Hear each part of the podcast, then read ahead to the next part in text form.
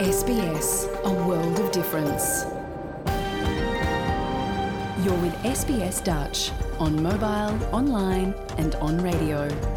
Dit is SBS Dutch op mobiel, online en op radio.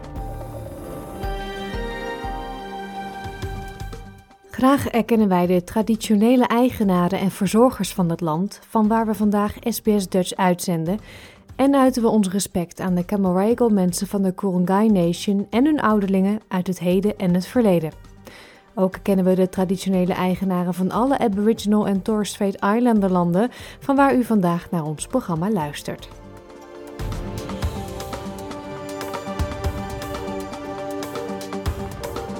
Een hele goede morgen, mijn naam is Paulien Roesink.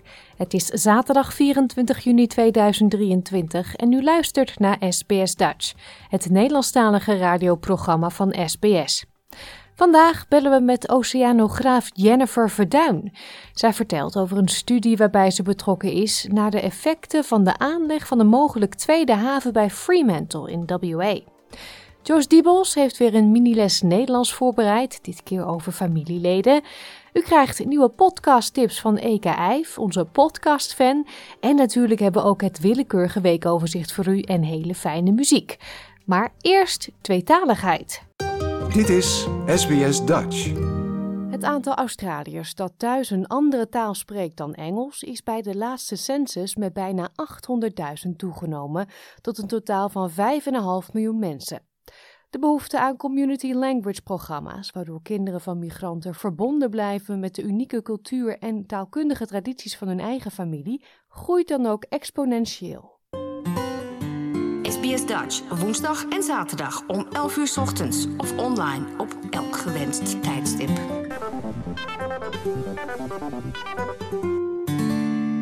In heel Australië zijn ongeveer 1400 community language schools. Deze scholen bieden naschoolse onderwijsprogramma's gericht op taal en cultuur. Voor de president van de New South Wales Federation of Community Language Schools, Lucia Johns, is de missie om familietradities levend te houden een persoonlijke missie. to start with, my my first language is not English. My first language is Portuguese, and I'm Brazilian born. So, and I have a child, and I don't want him to lose connection of a family, to understand me, to understand the way I am, and also it's such a extra benefit. It's an asset. Uit cijfers van de census van 2021 blijkt dat meer dan de helft van alle Australische migranten van de eerste of tweede generatie zijn. 27,6% van alle Australiërs is in het buitenland geboren en 48,2% heeft een ouder die in het buitenland geboren is. Uit diezelfde census blijkt ook dat het aantal mensen dat thuis een andere taal spreekt dan Engels sinds 2016 is gestegen met bijna 800.000 tot ruim 5,5 miljoen. Dit heeft de vraag naar meer diverse mogelijkheden voor het leren van talen vergroot. Mevrouw Johns gelooft dat het leren van een taal en bezig zijn met verschillende culturele perspectieven kinderen helpt bij sociale cohesie en gedeeld begrip. I see the kids playing when you go to events like they have singing the the choir of the federation. It's so lovely to see they like it's the whole group and they speaking they all speak a different language and they, of course they all speak the common language this English and they get along very well. Is what we want. We want the communities to get along to you know to work together. Community language scholen in Australië, voorheen bekend als etnische scholen, bestaan sinds 1857, hebben geen winstoogmerk en zijn afhankelijk van vrijwilligers uit de cultureel en taalkundig diverse gemeenschappen. Deze scholen weerspiegelen de diversiteit van de Australische migrantengroepen en het brede scala aan indigenous taaltradities. De premier van New South Wales, Chris Minns, sprak tijdens het jaarlijkse gala-diner voor Community Language Schools afgelopen zondag. De premier beloofde meer geld en steun voor de federatie om de culturele traditie in stand te houden en de nieuwe generatie voor te bereiden op een steeds meer geglobaliseerde economie. In this state, almost a third of school students have family ties to a community language other than English. Community language schools are the bridge connecting kids with their heritage and the culture of their families. It not only strengthens our multicultural communities, it's a tremendous asset for our economy in a globalised world. And as a government, we're committed to supporting the work that you do. We want to make it easier and more affordable for every child who wants to learn a language to do so. De Federatie van Community Language Schools in New South Wales geeft momenteel les in 72 talen op 565 locaties aan meer dan 33.000 studenten. Paulien Jongma is bestuurslid van de federatie en voormalig directeur van de Nederlandse school De Kangaroo in Sydney. Ze zegt dat de scholen helpen om de kinderen van migranten in contact te brengen met de cultuur van hun ouders.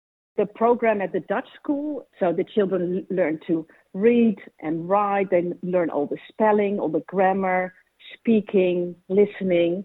We have cultural days where they learn more about the culture. It's important to keep the culture where they come from because as soon as they live here, they're Australian kids and they, they live in Australian culture and they, they learn everything here. So the, the children yeah, really get to know the culture of their parents. Met gegevens van het Australische Bureau voor de Statistiek, waaruit blijkt dat Australiërs afstammen van meer dan 250 verschillende ancestors en meer dan 350 talen spreken, is de vraag wat het betekent om Australië te zijn complex geworden. Paulien Jongma gelooft echter dat Australië een unieke kans heeft om de beste elementen van een reeks verschillende tradities te combineren via het aanbod van de verschillende community language schools. It's very enriching for uh, Australian culture. Also, because I think if you get to know other cultures, I moved here, I got to know Australia, and you really appreciate what's in another culture.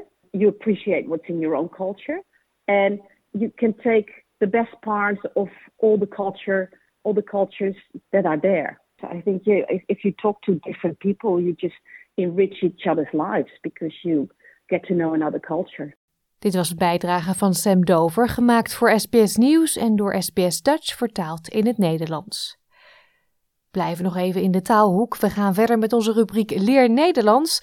De derde aflevering alweer. Vorige week en de week daarvoor legde leraar Nederlands Joyce Diebels uit hoe je iemand begroet en wat de dagen van de week zijn in het Nederlands. In de miniles van vandaag bespreken ze familieleden.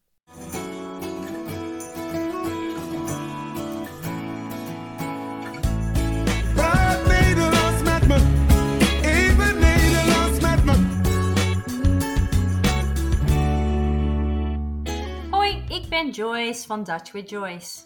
I am Joyce, and today we have another Dutch mini lesson.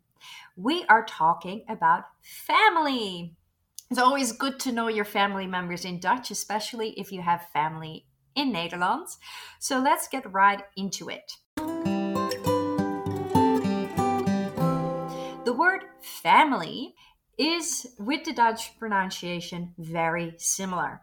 So family is familie, de familie. So let's try and learn some family members in our direct family. In Dutch, we have actually two different words for family. We have de familie, which is your whole family or any time you want to refer to your family. But if you want to refer to your own family, like your spouse, your partner, um, your kids, then we have a specific word for it, which is het gezin. Het gezin. Het gezin. In our gezin, we have several family members. We have our dad. Our dad, we can say father, de vader, like Darth Vader, um, de vader. And this is a more formal way of referring, but always and still used in our day to day conversations. De vader. Dad, so the more informal way and probably the most used way is papa.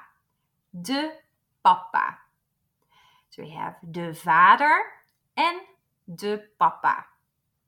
Let's go to mother and mom. Mother is moeder. De moeder. Then mom is mama. De mama. De moeder and de mama. Let's go to brother and sister. So, same as most words in Dutch, if we have an English word that starts with an S, most likely a Dutch word will be with a Z. So in this case, as well. The sister, and let's shorten it to sis, becomes de zus. Zus. De zus is the sister. The brother, we also want to shorten this one to one syllable. So not brother. A lot of people will say broeder, but this is actually some kind of a male nurse, not really a brother. So we want to say broer. Just keep it simple with one syllable. De broer. De broer. De zus en de broer. Then we've got our daughter and son. The daughter has our favorite sound in there, the G sound. De dochter. De dochter. The daughter is de dochter. So it sounds very similar. And same as English has a GH sound in the word, um, we do want to pronounce that g, the G there. De dochter. And again, son starts with an S, so we say it with a Z. De zoon. So similar to the sun in zondag, but now we want to extend it with a longer O sound. De zoon. De dochter en de zoon. All right, so let's put this into practice in a few sentences. We could perhaps say, I live with my mom and dad. Ik woon met mijn vader en moeder. Or ik woon met mijn papa en mama. Let's repeat after me. Ik woon met mijn vader en moeder. Ik woon met mijn vader en moeder. Heel goed. All right, let's try the next one. My son is eight years old. Mijn zoon is acht jaar oud. Mijn zoon is acht jaar oud. Repeat after me. Mijn zoon is acht jaar oud. Mijn zoon is acht jaar oud. And the last one. I have two brothers and three sisters. Ik heb twee broers en drie zussen. Ik heb twee broers en drie zussen. Repeat after me. Ik heb twee broers en drie zussen. Ik heb twee broers en drie zussen. Heel goed. And now you've learned some family members van jouw gezin. Keep on practicing and we'll catch you next time. Doei!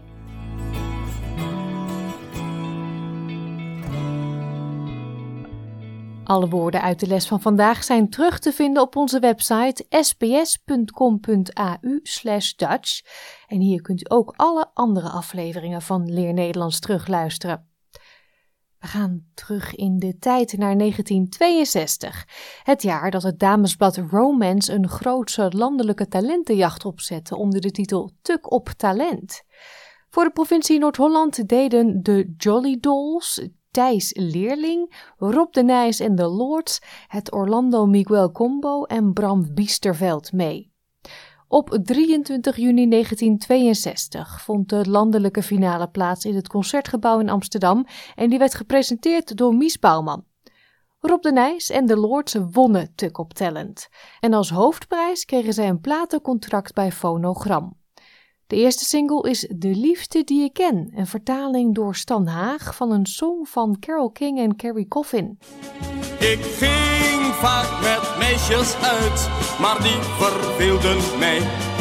Vanaf vandaag zoek ik niet meer, want de liefste die ik ken ben jij. Ja, heerlijk nummer, maar niet het allerbekendste nummer van Rob de Nijs en de Lords. Dat is natuurlijk het nummer dat ik nu voor u ga draaien, Ritme van de Regen. Maandelijks praten we bij SBS Dutch over mooie, bijzondere of populaire Nederlandstalige podcasts die echt de moeite waard zijn om te beluisteren. Een podcast luisteren kan eigenlijk altijd en overal tijdens het schoonmaken van uw huis, het loopje met de hond, een wandeling over het strand en ook in de auto. Eke Uyf uit Brisbane is een enorme podcast-fan. Ze luistert iedere dag wel een podcast.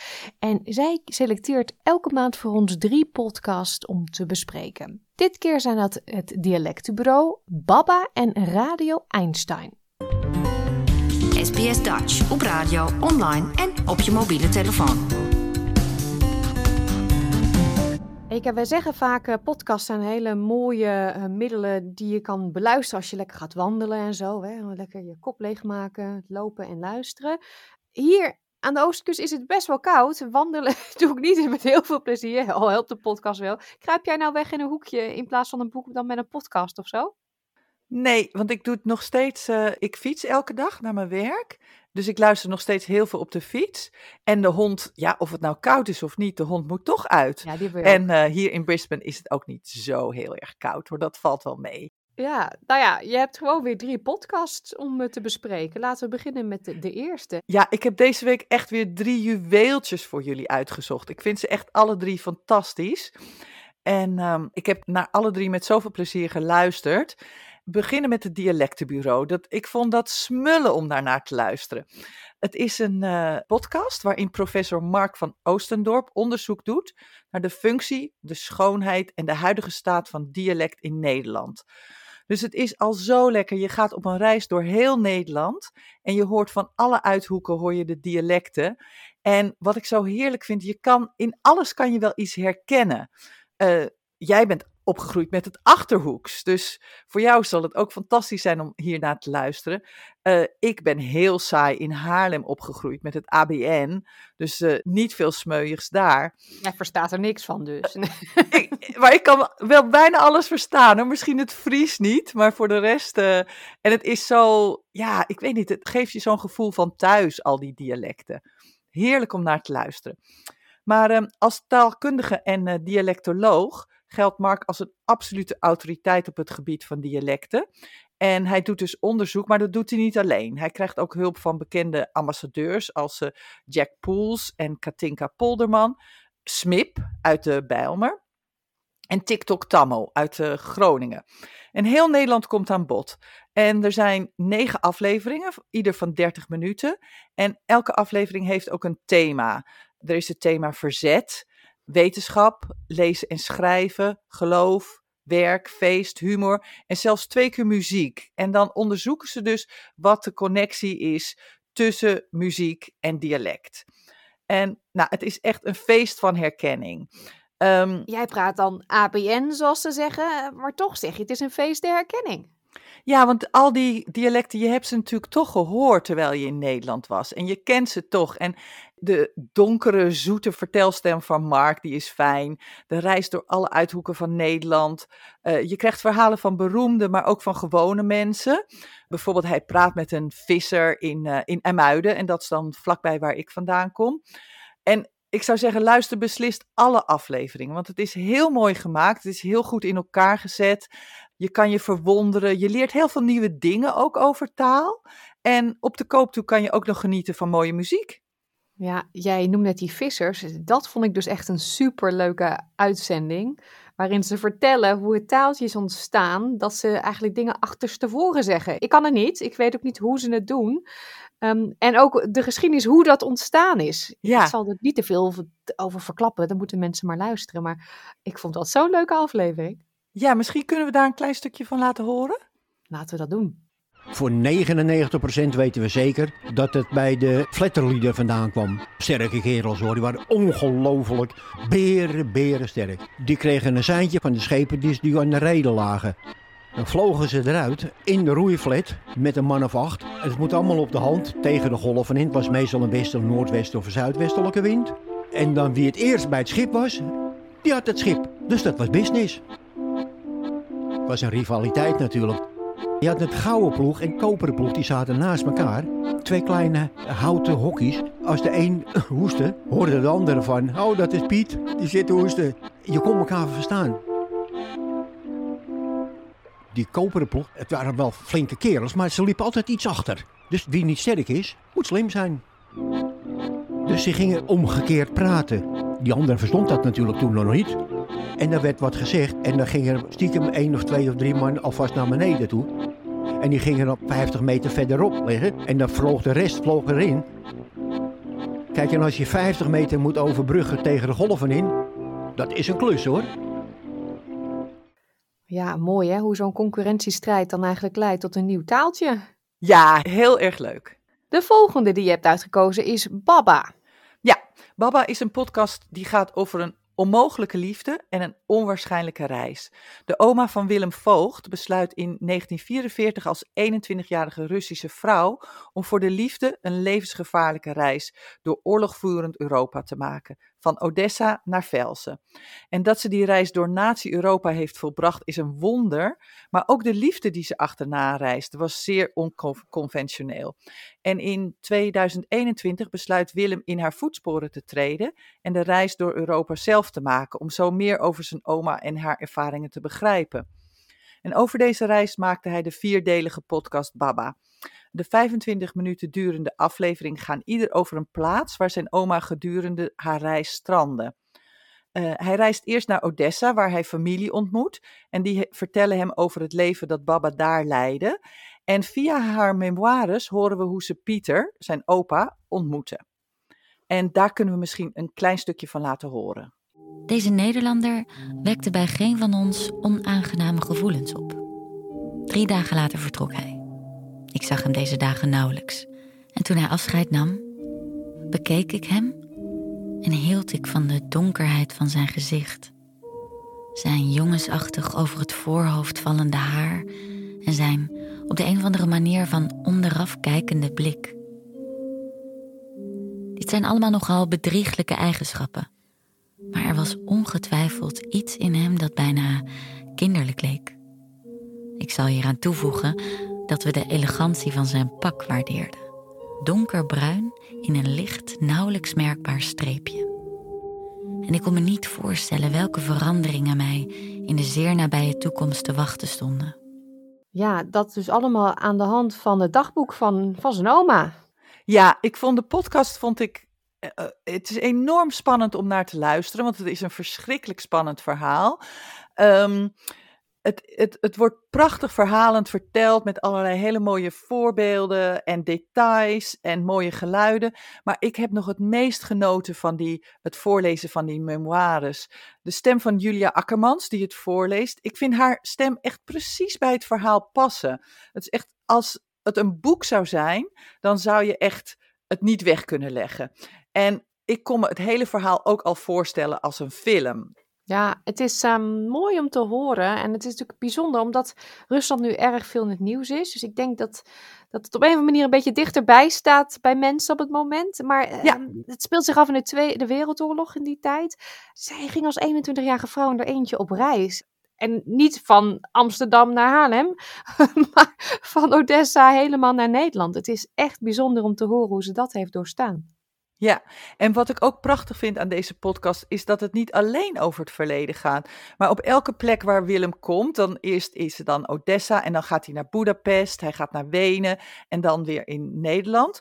Dus op elke plek waar hij komt, daar onderzoekt hij ook de overeenkomsten tussen de situatie toen en de situatie nu. Want er zijn nu in Odessa ook nog altijd vrouwen die hopen een man uit het Westen aan de haak te slaan. En ook nu worden er grote groepen vluchtelingen verhinderd om van Hongarije naar Duitsland te reizen. En blijkt West-Europa ook een bijna onneembare vesting voor asielzoekers. En dan, aarde in een totaal ander land blijft ook voor recente migranten heel erg moeilijk. En die link, die legt hij steeds. En dat is zo mooi om te zien dat het, het is 75 jaar geleden, maar eigenlijk is er helemaal niet zo heel erg veranderd. Ja, je noemt net het onderwerp oorlog, vluchtelingen. Dan kunnen we eigenlijk heel makkelijk de overstap maken naar de derde en laatste podcast die je wil bespreken. Dat is Radio Einstein. Nou, die titel die geeft nog niet heel veel weg. Nou, Radio Einstein is een initiatief van het Stuttheater in Utrecht. En die maken een podcast met en over nieuwkomers. Ze doen dat vanuit een pipowagen op het parkeerterrein van het AZC in Utrecht. En Misha Kolen en Anne Hogewind, die interviewen mensen, nieuwkomers in Nederland. En ze doen dat meestal aan de hand van verschillende thema's. En ik ben vooral heel erg enthousiast geworden over de serie Het Cadeau. In deze serie maakt steeds een Utrechtse kunstenaar vanuit zijn eigen discipline in een maand tijd een portret van een bewoner van het AZC. En dit kan zijn in de vorm van een schilderij of een dansvoorstelling, een gedicht, een lied of een boek. En het uh, bijzondere aan de vorm is dat ze kennen elkaar niet, maar via audioboodschappen horen we het verhaal van de nieuwkomer. En dan stelt de kunstenaar die stelt vragen om die nieuwkomer beter te leren kennen, zodat ze hun kunstwerk op de nieuwkomer baseren. Pas aan het eind, als het kunstwerk gepresenteerd wordt, dan ontmoeten ze elkaar. Het is een hele originele vorm natuurlijk, en die ook nog heel mooi is uitgewerkt. En het zijn mooie portretten waarin je een kijkje krijgt hoe nieuwe Nederlanders hier gekomen zijn. En ook hoe het voor ze is om hier te leven. Er was bijvoorbeeld een heel grappig stukje van één man. Hij wilde Nederlands leren, maar hij had nog geen uh, verblijfsvergunning hier. Dus hij kon niet op Nederlandse les. En wat hij dan deed, dan ging hij gewoon bij de Aldi of de Albert Heijn ging hij voorstaan. En dan ging hij tegen mensen zeggen: Hallo, ik kom uit Syrië en kan ik met Nederlands met je praten? En heel erg grappig. En een andere vrouw bijvoorbeeld die hier in Nederland kwam en die zei van Mensen zeggen hier nee, dat ben ik helemaal niet gewend.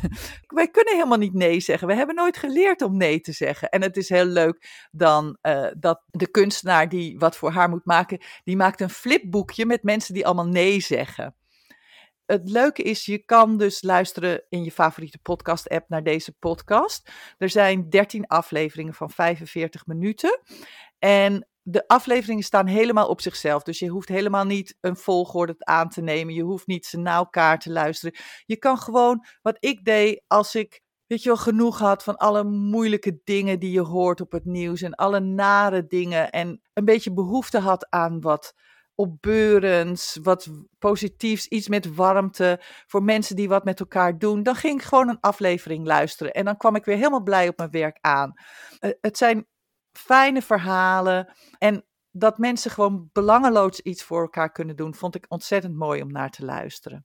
Ja, laten we nog even een stukje luisteren ook. En je hebt een stukje uitgekozen van die man die je net al noemde, die dan bij de supermarkt gaat staan, hè? Ja, ik vond het zo lief en zo schattig om te horen. En dat mensen gewoon zo ontzettend hun best willen doen om zich aan te passen hier. Omdat waar ze vandaan komen, was het gewoon afschuwelijk. Ze komen niet omdat het daar zo gezellig was, maar ze komen omdat ze gewoon daar niet meer konden leven. En eigenlijk precies hetzelfde wat ik zei van de vorige podcast. Dat je gewoon als je één persoon hoort van één leven, dan kan je er gewoon zoveel meer van begrijpen dan als je het hoort over een hele grote massa.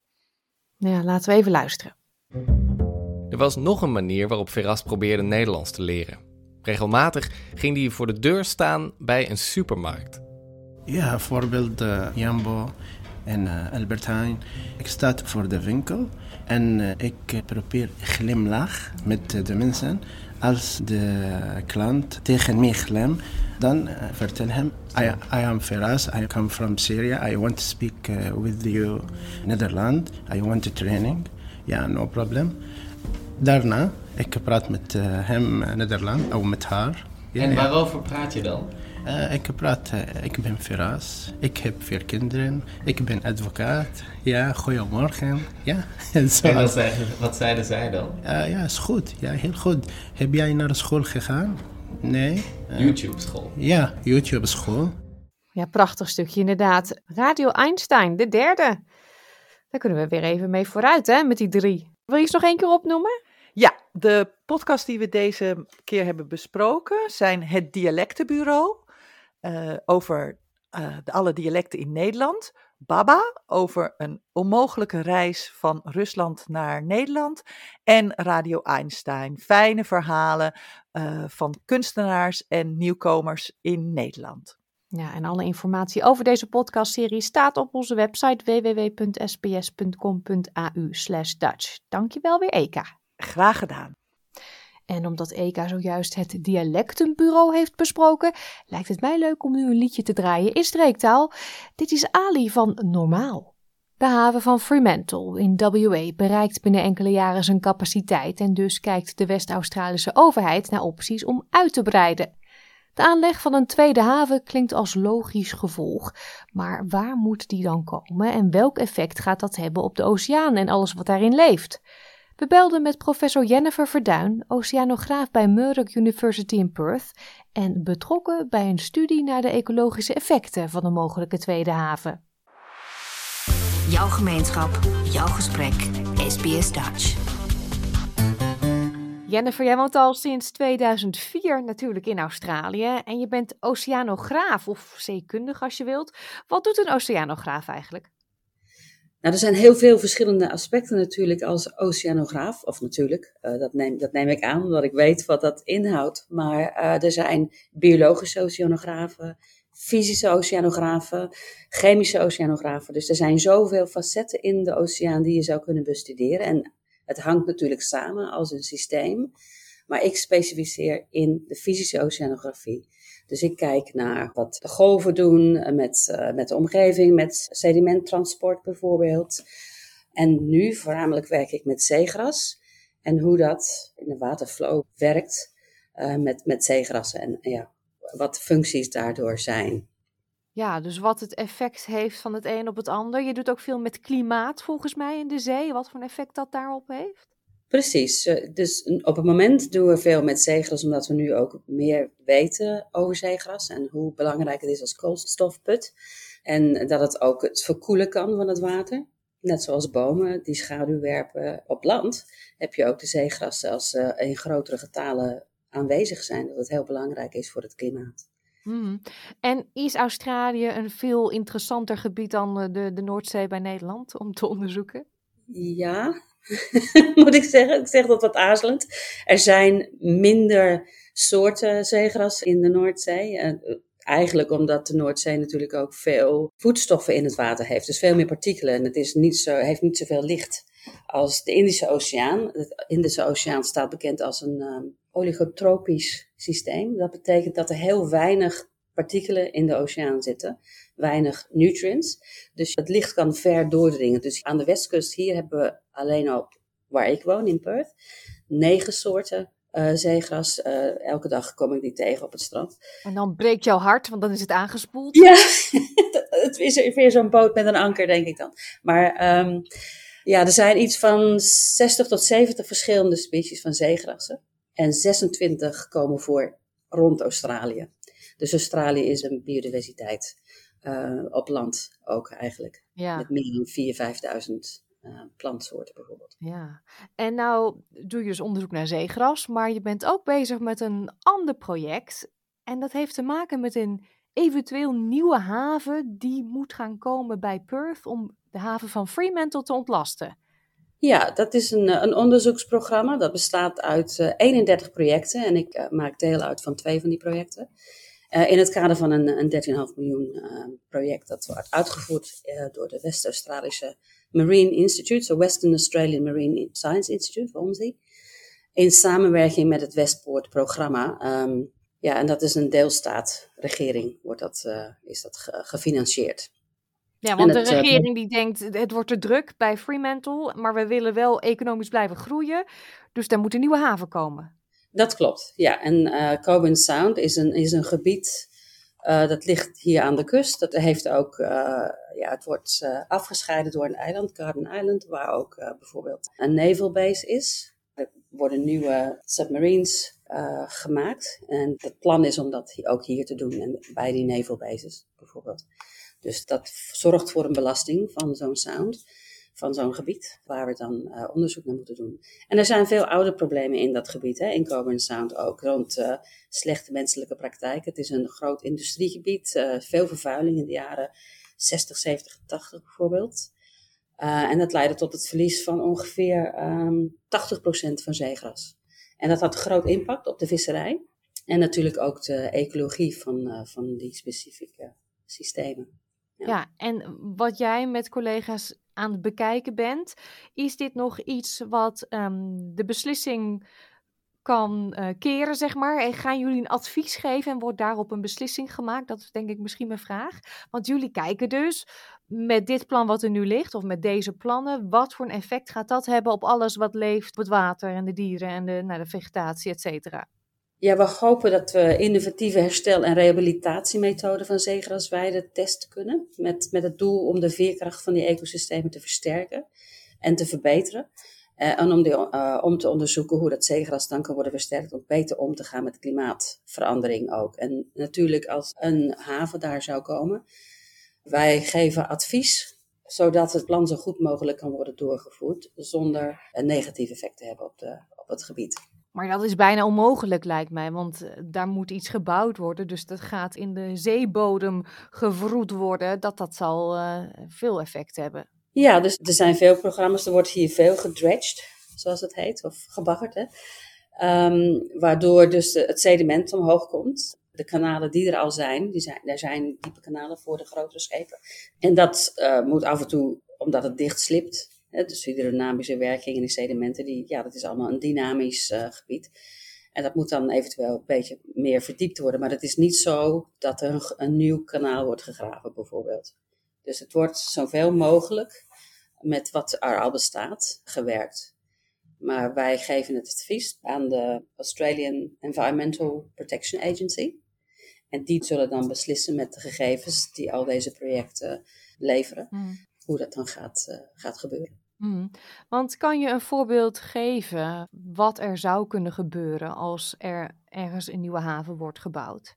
En wat voor een effect dat dan heeft? Ja, dus een nieuwe haven heeft vaak ook havenrules nodig om het uh, ja, te beschermen van de grotere invloed van de watergolven, dat soort dingen. Zodat de schepen veilig in de haven kunnen komen. Dus er zijn muren die dan in, in de zee worden gebouwd, zeemuren, die worden gebouwd. En dat leidt tot een verstoring van het sedimenttransport van een normaal gesproken dynamisch gebied aan de kust. Hè, waar je dus het sediment gaat van noord tot zuid hier. En als je daar dan muren of groins of pieren gaat bouwen, dan wordt dat. Um, kan het in één keer niet meer verder. Dan kan het in ieder geval in, niet meer verder, inderdaad. En dan in de gebieden waar het niet meer kan, dan krijg je dus dat het zand uh, ja, niet meer voldoende is en dat het dan gaat eroderen. Ja, dus dan krijg je erosie van het duingebied, van het kustgebied. En dat is natuurlijk minder uh, goed. Mm -hmm. Ja, en dat zal dan weer effect hebben op de dieren die er leven, op de vissen, op, uh, op andere ja. planten die er uh, groeien. Ja. ja, is dit een langlopend onderzoek? Ja, dit programma loopt tot mid volgend jaar. Um, en voor ons is het heel belangrijk omdat we al heel veel meer uitvinden wat zeegrassen betekenen voor het gebied en hoe we dat kunnen verbeteren. Dus niet alleen is het goed voor het gebied dat we daar zijn en, en heel veel basislijn uh, studies doen, waarvan we, we hebben zoveel meer dieren ontdekt bijvoorbeeld in, in het sediment zelf. Omdat we daar niet echt naar gekeken hebben constant. Maar nu heb je met zo'n zo'n groot project met zoveel verschillende mensen met verschillende achtergronden, dat we dit kunnen uitvinden. En dat is natuurlijk fantastisch.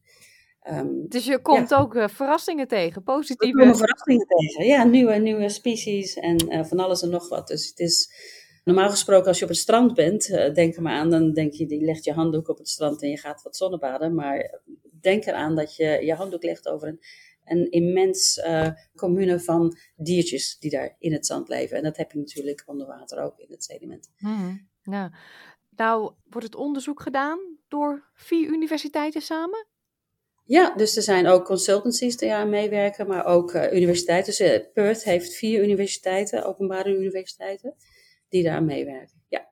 ja, nou kan ik me voorstellen met een tijd dat klimaat steeds vaker besproken wordt en de gevolgen daarvan. En dat er toch ook steeds meer mensen denken, ja, overheden, grote bedrijven, ondernemen is wat meer actie, want het gaat fout. Mm -hmm hoe gaat dat met zo'n nieuwe haven? Brengt dat ook dingen teweeg in de community? Ja, en, en de um, ja, community is heel erg actief in West-Australië. En er zijn projecten die inderdaad ook afgewezen zijn vanwege het negatieve effect dat ze zouden hebben op uh, de ecologie uh, hier in, in het uh, kustgebied. Ja. Hmm, ja, maar zou een onderzoek van jullie zo'n project kunnen stoppen of dat niet? Dat is een moeilijke vraag. Dat zouden we misschien wel willen. Maar we kunnen economische groei ook niet tegengaan. En ik denk als het ergens moet gebouwd worden, is dit gebied waarschijnlijk een iets beter gebied dan in bijvoorbeeld een pristine gebied waar nog geen industrie is. De groei zal komen, dan beter in een gebied wat al bepaalde faciliteiten heeft, die we wat uit kunnen breiden zonder te veel effect te hebben op het gebied, dan ergens waar nog geen industrie is en het te verstoren.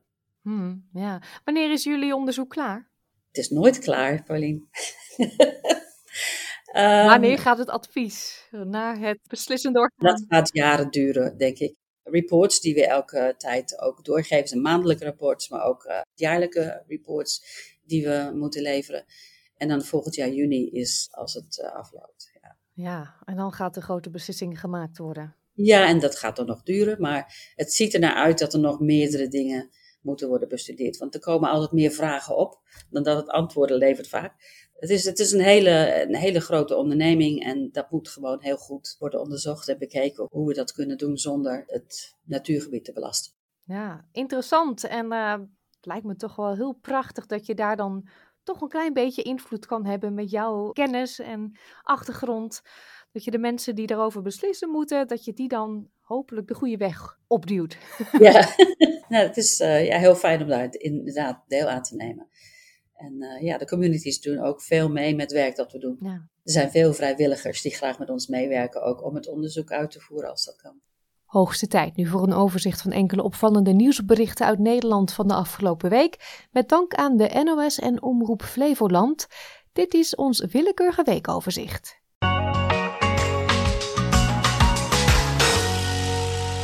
In Dronten is een monument voor overleden kankerpatiënten in het Wilhelminabos vernield.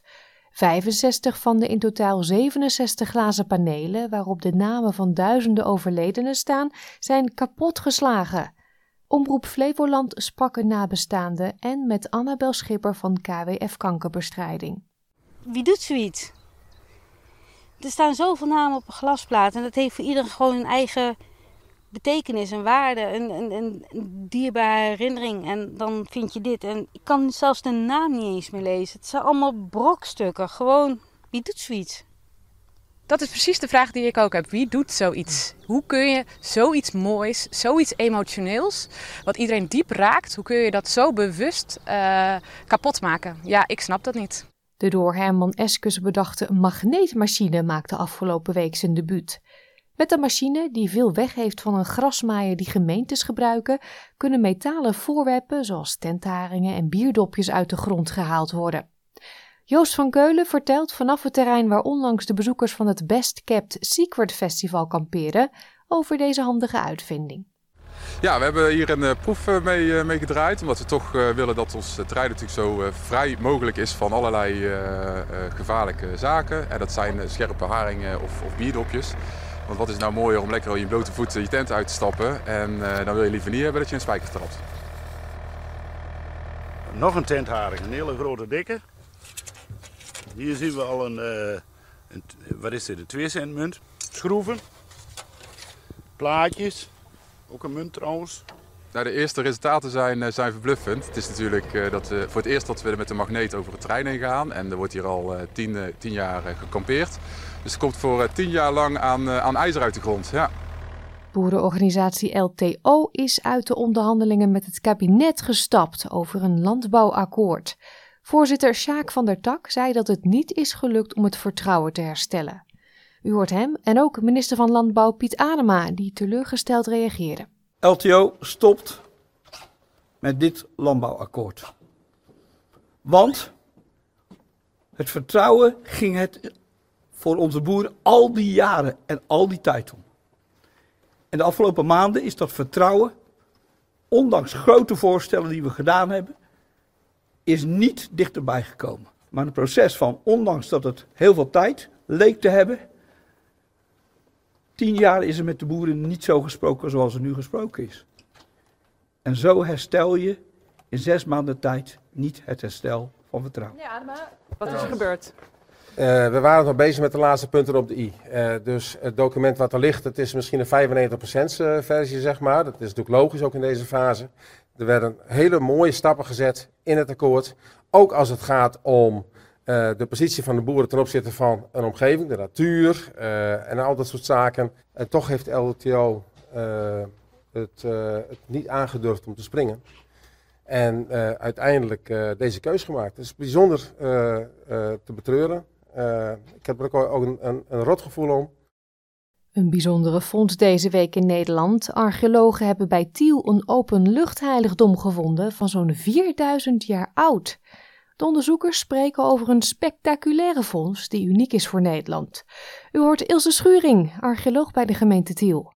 Ja, wat we nu hebben gevonden is een, uh, is een, een heiligdom in de trant van Stonehenge, waar mensen dus uh, keken naar de stand van de zon om uh, te bepalen waar in het jaar ze zaten. Dus dat is ongelooflijk. Het enige wat we niet hebben is die stenen helaas. Maar er komt hier geen Nederlandse Stonehenge? Nee, er komt hier ook geen Nederlandse Stonehenge. Waarom niet? Uh, nou, we, we, hebben die stenen niet. En uh, wat ik zeg, het, het, het, het, is vergaan, hout vergaat. Dus er valt uh, gewoon simpelweg voor de geïnteresseerden op dit moment helaas niets te zien. de eigenaar van de grond, de opdrachtgever, wil weer verder en ja, gaat hier loodsen bouwen. Die laatste toch wel hartverscheurende mededeling kwam van hoofdarcheoloog en prehistoricus Christian van der Linden. Zonde eigenlijk, hè? Een mooie primeur dan voor het Rijnstatenziekenhuis in Arnhem. Buiten op het dak van het ziekenhuis is een overdekt terras gecreëerd waar twee intensive care bedden kunnen staan. Op deze manier krijgen ook de ziekste patiënten de kans om een frisse neus te halen. U hoort Michiel Blans, intensivist van het Rijnstaten ziekenhuis en patiënt Arjan van Herk. De faciliteit deze bestaat eigenlijk nog niet, dus ook onze bouwers moesten natuurlijk goed nadenken over ja, hoe gaan we dat nou doen, hoe doen we dat zo veilig mogelijk. We hebben de uh, technische faciliteiten zo gebouwd dat het gewoon binnen is en dat de regen niet uitmaakt. Het is natuurlijk wel voor het transport van de patiënten van belang dat het niet stortregent. Als ik dit terras niet had gehad, weet ik niet of dat ik hier nog uh, gezeten had. Of gelegen had. Dit dat, heeft u uh, teruggehaald van ja, de dood? Ja, ja, ja. Ja, mag je dat Echt. zeggen? Ja, ze hebben mij regelmatig, dat ik heel slecht was, hier buiten op het terras neergezet. En dat heeft mij gewoon goed gedaan. Wij denken dat buitenlucht en het ervaren van buitenlucht een basale menselijke behoefte is. Zoiets als dit bestaat er niet en is dus nog niet onderzocht. Maar wij denken dat het wel degelijk een positieve invloed heeft. En dat het misschien ook ertoe kan leiden dat patiënten eerder uit het ziekenhuis kunnen worden ontslagen.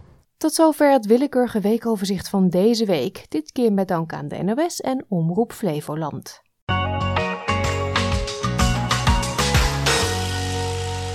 Hiermee komen we helaas alweer aan het einde van deze uitzending van SBS Dutch. Al onze verhalen en podcastseries zijn terug te luisteren op onze website www.sbs.com.au/dutch. En natuurlijk ook via de SBS Audio app. Deze is gratis en voor niets te downloaden in de Apple Store en Google Play. We sluiten dit uur SBS Dutch af met Mississippi van de Nederlandse band Pussycat. Woensdag ben ik er weer, hopelijk u ook. Heel graag. Tot dan, fijn weekend.